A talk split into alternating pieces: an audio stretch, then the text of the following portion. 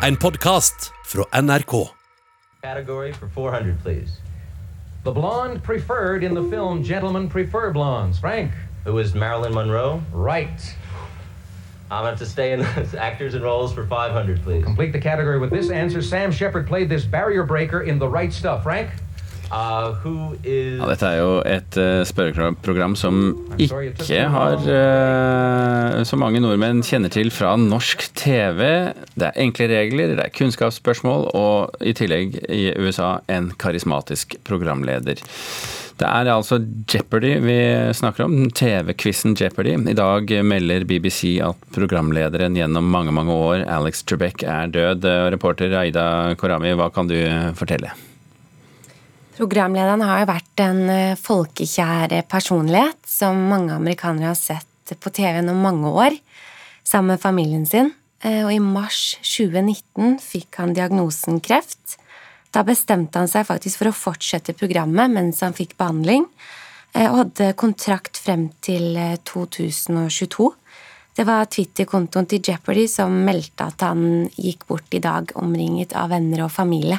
Mm, han var jo en legende, eh, veldig kjent i USA. Sjarmerende, vennlig, høflig person. Men dette programmet, hva, hva var den spesielle tvisten på det? Tvisten var jo at programlederen sa svaret først, og så skulle, så skulle deltakerne da finne spørsmålet på dette.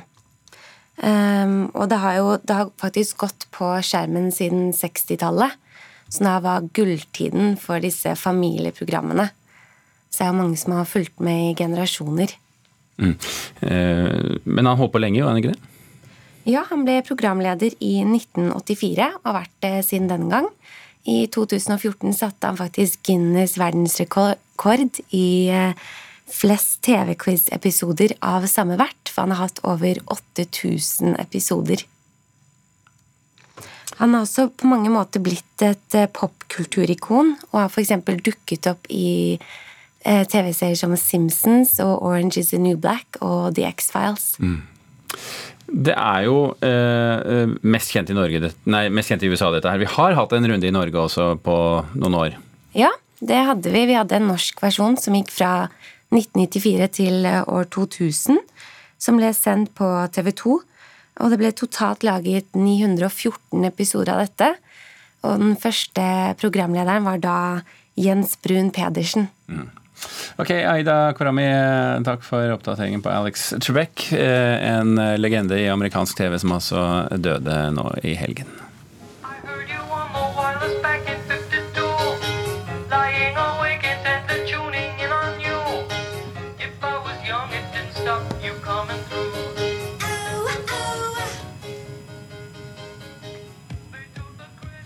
Musikkvideoene tok vel ikke livet av Nyhetsmorgen iallfall, men er det sånn at Netflix drepte lineær-TV? Da Netflix startet med nettbasert strømming av TV og film i 2007, så ble det sagt at dette var døden for lineær-TV. Men nå, 13 år senere, så kan det jo se ut til at eh, noen tok eh, feil, og reporter Aida Korami, hva er grunnen til det? Netflix endret jo måten vi får med oss filmer og serier. Da vi før måtte vente en uke på å se neste episode av favorittprogrammet, kan vi nå bruke hele søndagen på å se alle sesongene av Friends. Men nå kan det se ut til at trenden snur, for nå skal de teste ut Netflix Direct i Frankrike.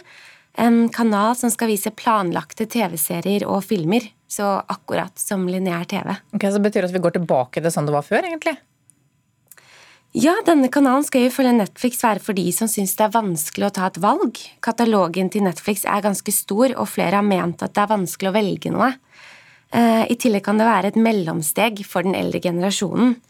Men den skal nå først rulles ut i Frankrike. Hvorfor akkurat Frankrike?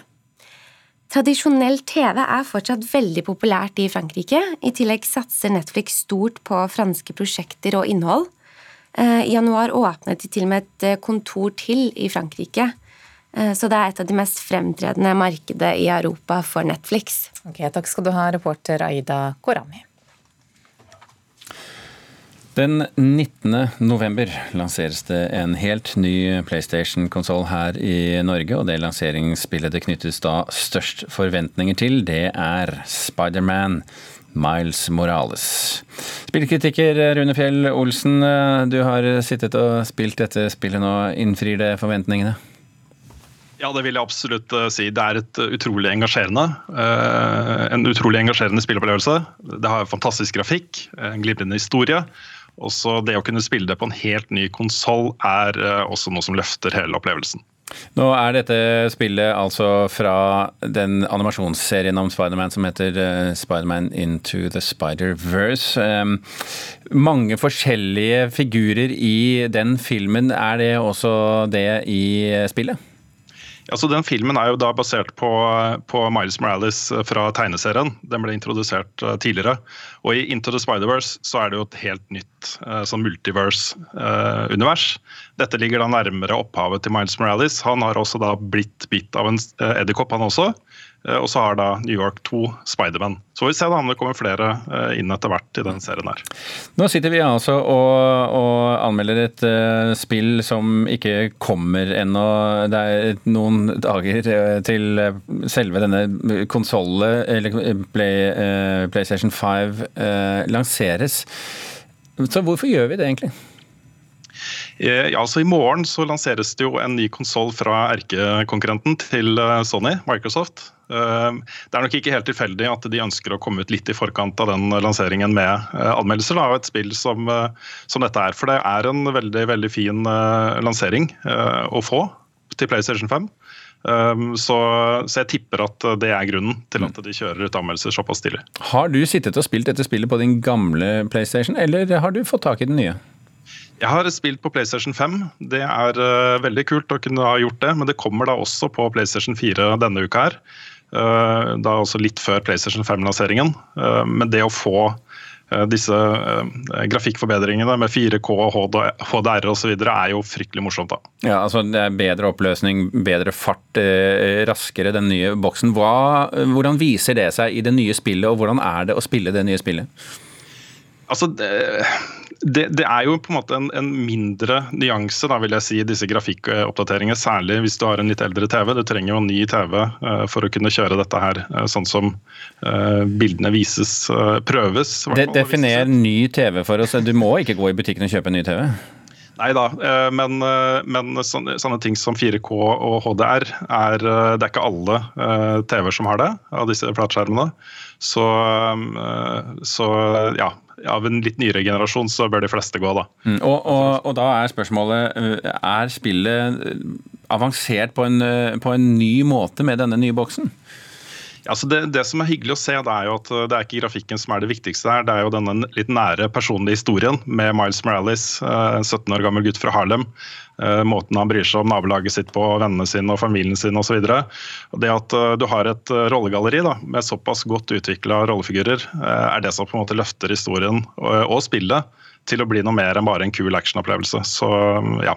Så vi får nytte, i hvert fall folk som er interessert i, i PlayStation, de får nytte av å, å bytte konsoll, er det det du sier? Ja, det er vanskelig å gi det rådet ennå. Det er nok kanskje mest for entusiaster, da, sånn konsollansering. Men, eh, men eh, ja, det er noe helt eget også. Å se mm. New York flyte på denne måten her, med den grafikken, det er ganske spesielt. Rune Fjell Olsen, spillkritiker her i NRK, takk skal du ha. Og hele denne anmeldelsen og flere til ligger på nrk.no. Vi kan jo avsløre terningkastet, da. skal vi gjøre det? Det ble en femmer, gitt. Det ble en femmer. Takk skal du ha for at du var med. Du har hørt en podkast fra NRK. Hør flere podkaster og din favorittkanal i appen NRK Radio.